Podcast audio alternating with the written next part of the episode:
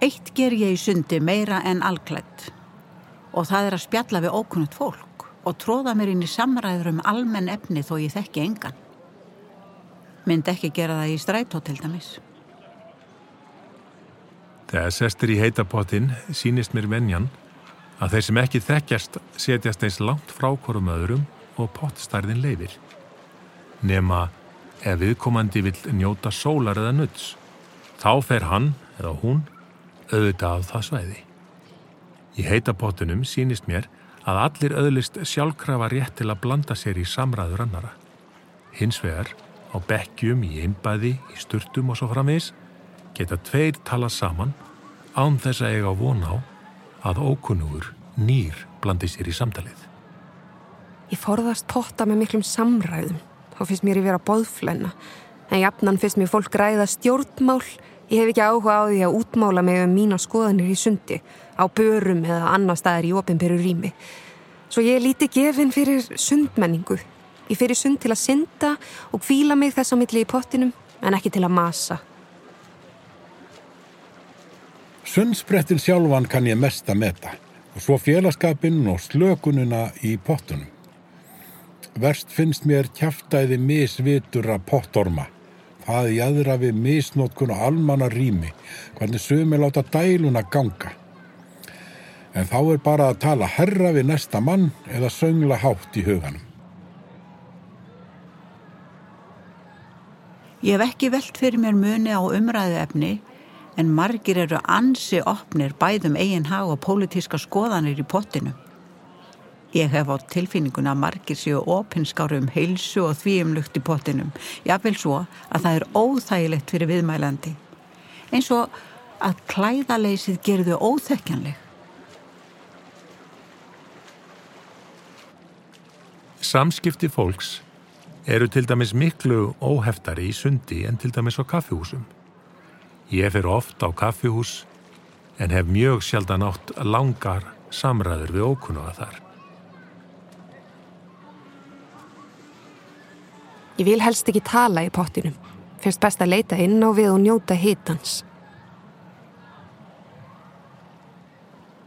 Ég tala oft við fólk í heitabottunum sem ég tala yfirleitt ekki við ef ég hitti það við aðrar aðstæður.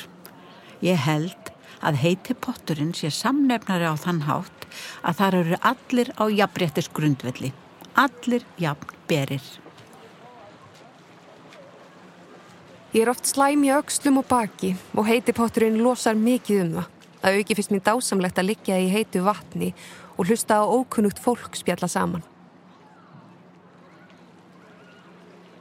Í síðustu viku var ég vitni af um það byl hálftíma samskiptum millir tveggja manna sem störfuðu greinlega báðir sem leiðsugum en í útlöndum.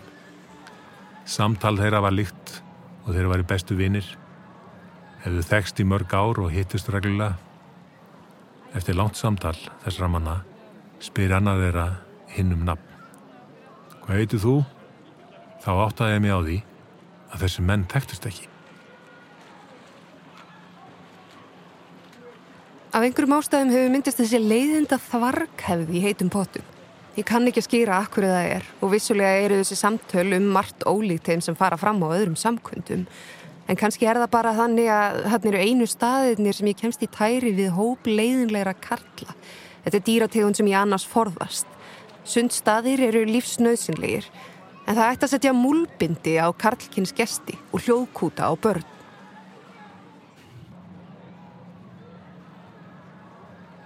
Ég hef oft átt samskipti við ókunna í heitum pottum, til dæmis um veðrið, fréttatíman, áramótaskaupið, pólitík, kvalaskoðun, ferðalög og fleira.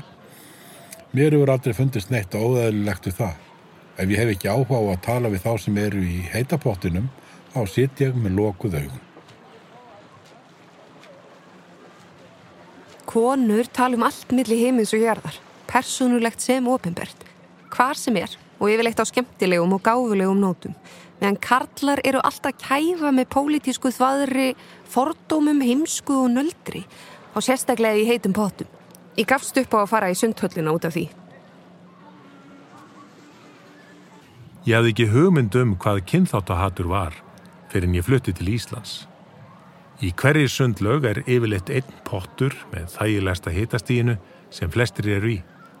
Ég hef oft lendið í að eftir að ég sest í heitan pott tæmist hann á tveimur mínútum.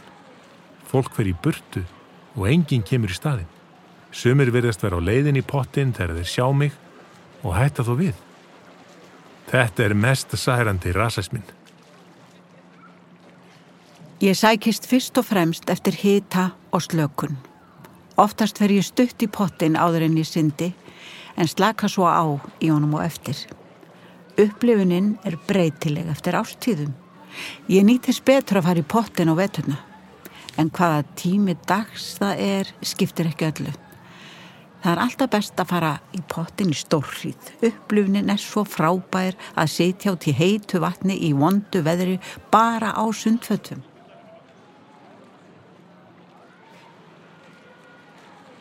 Málið með steinapottin held ég að sé það að hann er aðeins svo stór og rúmar í kjölfærið aðeins svo marga til að það skapist rétta stemmingin og nándin sem býður upp á að fólk sem þekkist ekki fyrir farið að blanda geði við hvort annað. Eftir það þrætti ég litlu pottana. Þar var þetta öðruvísi. Ég vil meina að sé vegna þess að þeir eru passlega litlir þannig að fólk sem í þá fer verður hreinlega að hefja samtal til að andrumslofti verði ekki óþægilegt.